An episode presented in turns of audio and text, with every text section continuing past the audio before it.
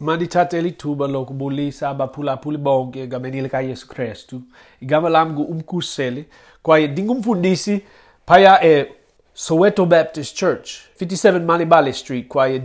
ndingathanda ukukumema ukukhonza nathi emva uh, kwi-lockdown yethu apha emzantsi afrika sizokhonza kwakhona kwaye umenyu ukuze nokukhonza nathi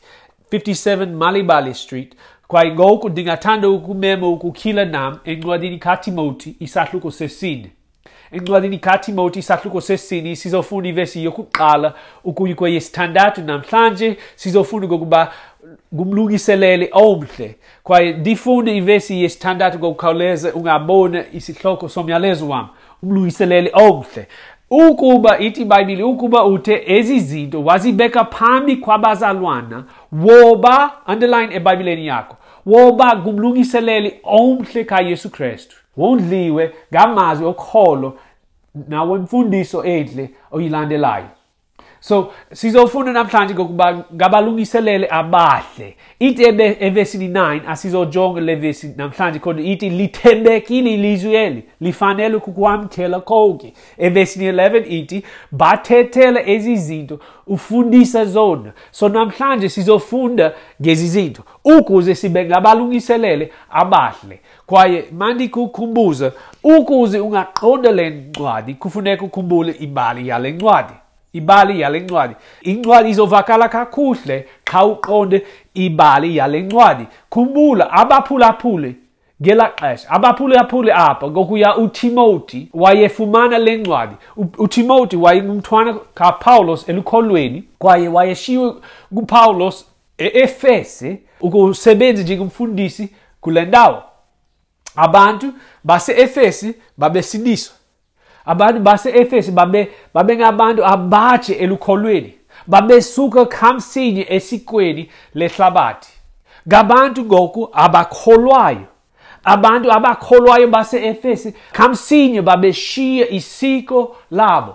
babeshiya isikolo abantu babo abantu baseefese abakholwayo abantu babo bonke abazali obuti nosisi nabamelwani babekhonza othixo bakaroma nabo kaphambi kaphambi kokukholwa kuyesu kristu nabo kaphambi kokuva iindaba ezilungileyo babekholwa kothixo Bakaroma. Ubomi babo, mamelani, ubomi babo bonke baxuba kakhulu nothixo wabo, nothixo baseRoma. Isiko labo lonke lajikeleza ukholo lwabo. Khumbulani, babenayo itempile kula ndawo, besifuna ke besimfundo ngothixo oyifeki yabo kule veki ipheleyo uthixo oyifeki yabo yayinguartemis sifunde ngaye kule veki ipheleyo ngokuya upawulos wayethethe ngebandla njengentsika nesiseko sayo inyaniso ibandla yintsika nesiseko sayo inyaniso kwaye loo nto yayivakala kakuhle kubo kuba kwakukho itempile isakhiwo esikhulu seartemis I tempile ya inensika ezi 127 ezijikelezayo kuyo zegolide so ngoku yawupawulos wayithetha ngale nto ngokuqinisekileyo babecinga ngethempile izinto zonke zabo bazalwana baphulaphuli abaziqondayo izinto zonke abaziqondayo zazidibanisa nothixo bakaroma ngokuqinisekileyo baninzi bafumana imali they made their living sithi ngesingesi ngabo ngothixo bakaroma itourism nokuthengisa izinto njalo njalo kufuneka sikhumbule le nto ukuze singaqondi le ncwadi utimoti wayengumfundisi kulaa ndawo wayengumfundisi wayengumlungiselele ecaweni yaseefesi khumbule wayeshiywe ngupawulos ukwenza into fundani nam phinde ukufunda nam emva koko sizofunda apha esahlukweni 4 kodwa evesini 3 esahlukweni 1 Ithi, Njengoko ndakuyalayo ukuba uhlale e-Efesi, uPawulos wayethethe noTimoti.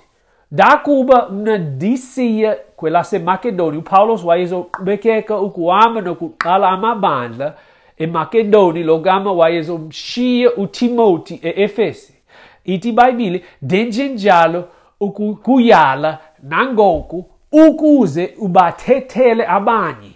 bangafundisi imfundiso yimbi bangafundisi imfundiso yimbi esithethi ngale nto kodwa babedinga imfundiso enhle siqhubeke kufundisa ngemfundiso enhle nemfundiso zedemoni umlungiseleli omhle uqonde imfundiso ufundise imfundiso enhle uzobeka phambi kwabantu imfundiso entle kwaye esahlukweni 4 ithethe ngemfundiso entle masiqhubekeke kufunda sizofunda ngento ebalulekileyo sizofunda ngezinto ozosincedisa ukuba ngabalungiselele abahle sibe njalo abalungiselele abahle fundani nam esahlukweni 4 ivesi 1 ukuyi kwe-6 ithi ibhayibhile khe kaloku umoya uthi ngokucacileyo inxenye iyakumka elukholweni ngamaxesha asemva inyamekela omoya abalahlekisayo nemfundiso zedemoni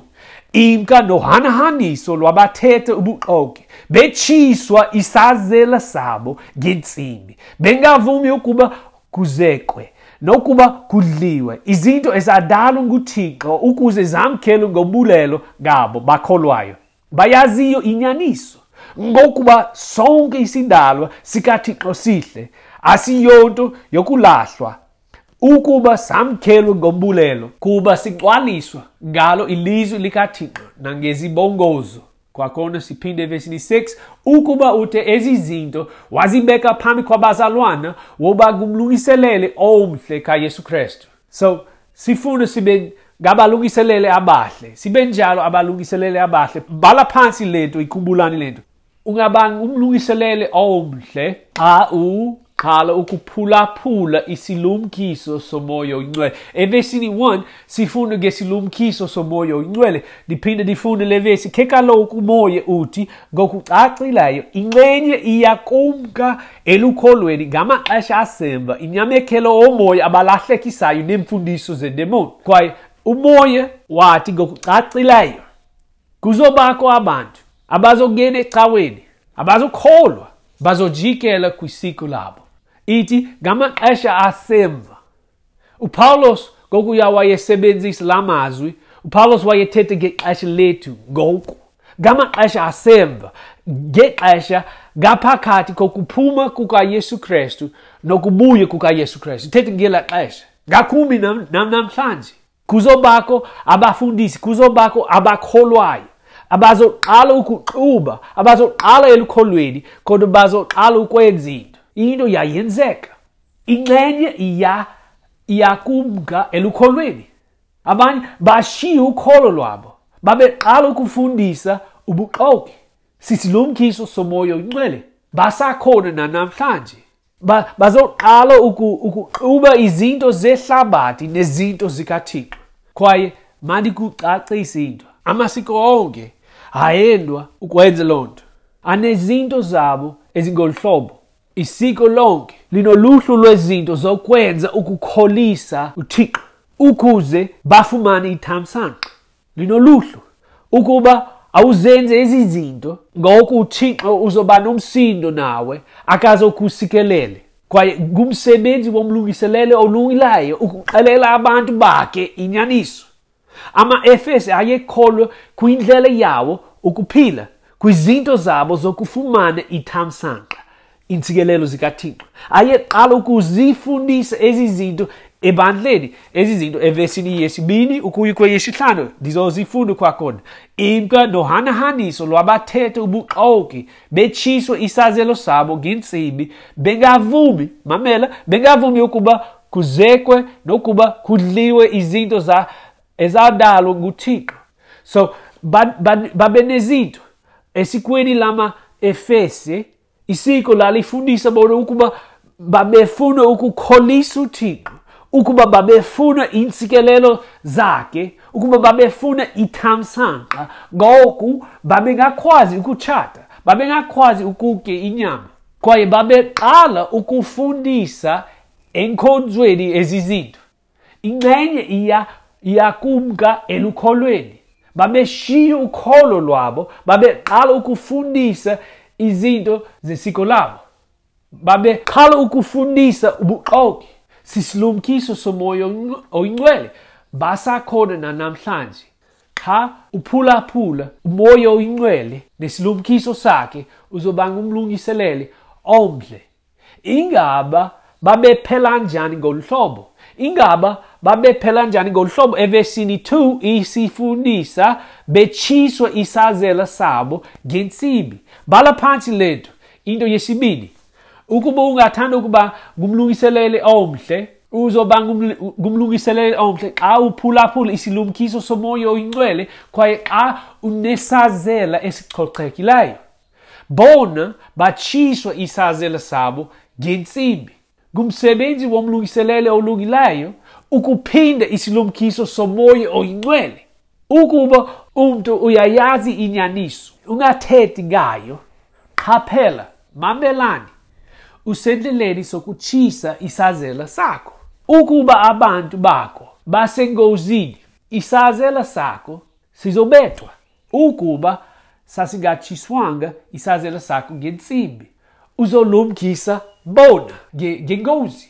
mandikunike umzekelo ukucacisa le nto ukuba uhlala endlini kwaye indlini yakho inamagumbi amaninzi kwaye indlini yakho inomlilo kwaye uhlala egumbini lakho ubone umlilo uphume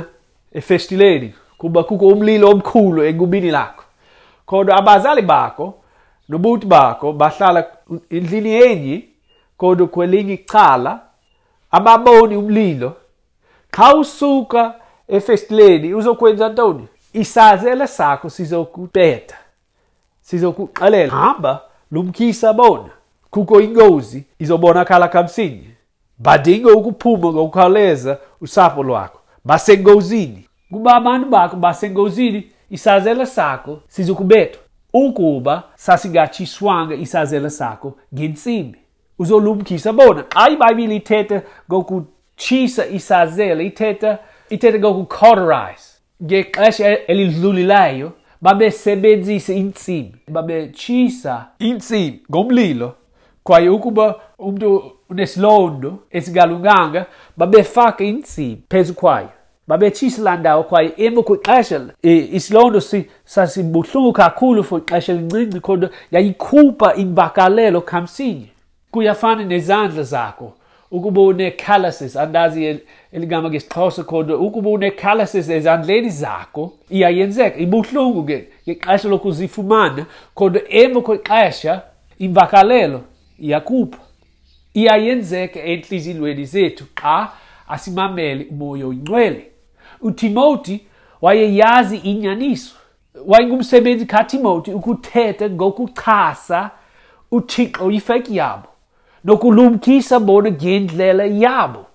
babesengozini ngenxa ukholo lwabo ukuthetha ngokuchasa isiko labo ukuthetha ngokuchasa uartemis uthixo oyifeki yabo yayinto engalunganga kakhulu esikweni labo isiko labo lonke lalijikeleza uartemis nothixo oyifeki yabo uyayazi abapostile nabaprofeti bonke xa ufunda kakuhle ilizwi likathixo abapostile nabaprofeti bonke babechutshiswa ngokwenza le nto babethetha ngokuchasa isiko lamayuda isiko lamagriki kwaye babechutshiswa xa uqala ukuthetha ngokuchasa isiko labantu kubula uzochutshiswa Kodwa ngumsebenzi womlungiseleli olungileyo ukuthetha ngokuchasa oothixo abayifeki babantu babo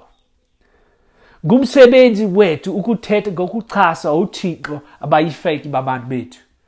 ukuba umntu ukholwa kwenye into ngaphandle kothixo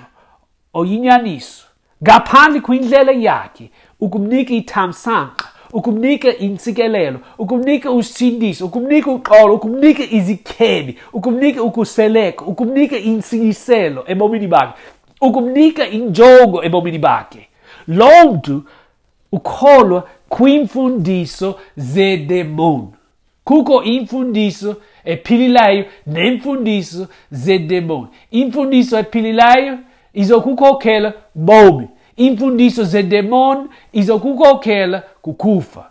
esikweni lamaxhosa zinyanya izinyanya zazisa ithamsanga zazisa ezi zinto esikweni labelungu yimfundo imfundo iskills zethu Sitting guessing guessing, we're gonna make our own luck. Esi kweli la, la bandu apa, la bandu base Efese, babe kolo ko Artemis, babe zo fumana abantwana abaninzi. U Artemis wayinguthixo wokucuma. Kwaye ukubana abantwana abaninzi, loo nto yayithi uzoba ngumntu osisikebi. ukuba mamelani le nto ikubulani le nto ukuba uqinisekile ukuba izinyanya ukuba uqinisekile ukuba imfundo ukuba uqinisekile ukuba othixo okanye uluhlu lwezinto zakho luzokuzisela ithamsanqa ubuqatwa ngedemoni ithi evesini 1 ubuqatwa ngomoya abalahlekisayo ubukholwa emfundisweni zedemoni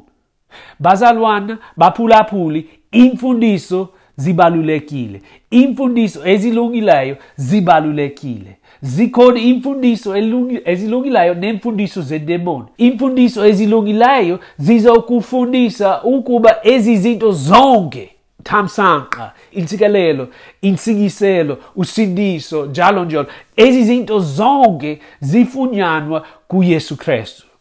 sishumayele ivangeli kwaye sifundise iimfundiso ezilungileyo iimfundiso ezilungileyo okanye iimfundiso eziphilileyo zikufundisa kukho into enye okanye umntu omnye ngaphakathi kuwe nothixo yinyaniso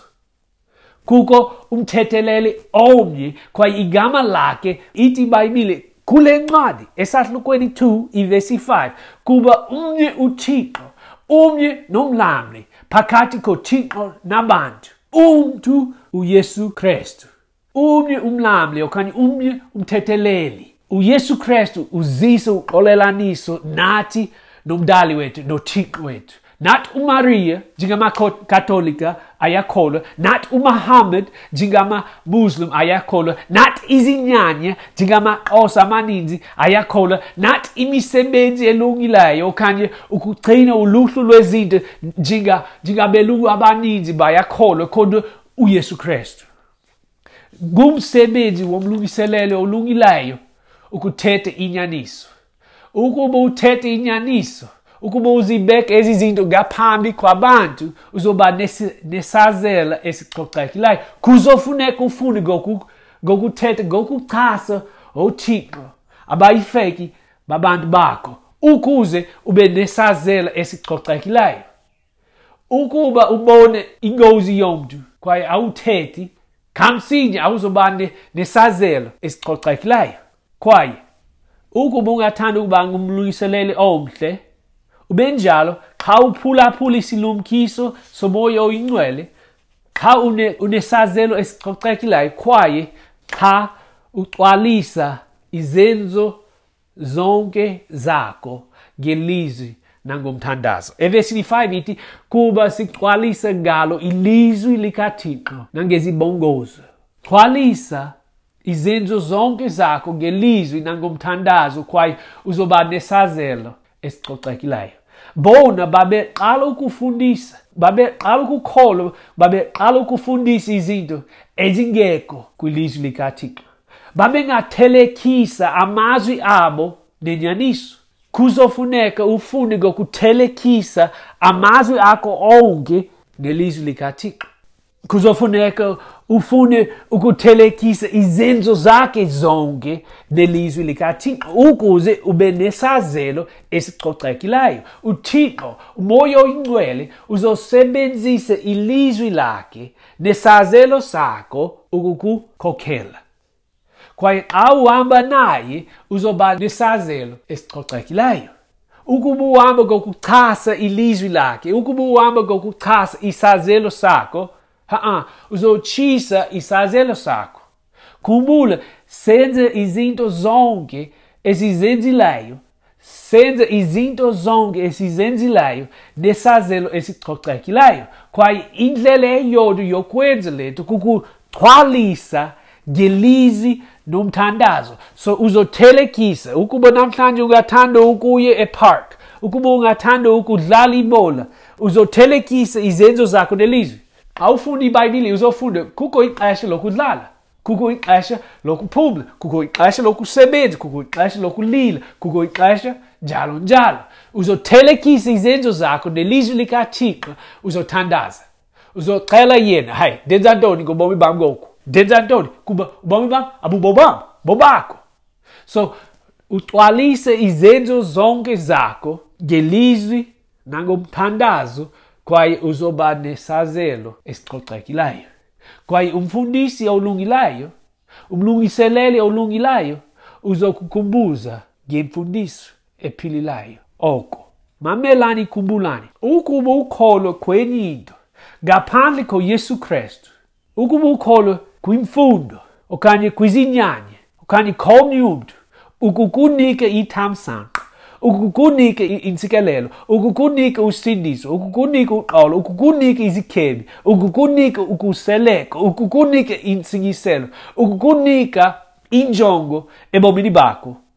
Ukholo kwiimfundiso zedemoni lixesha lokuguquka ubuqathwa ngedemoni ubuqathwa ithi ibhayibhile ngumoya olahlekisayo nemfundiso zedemoni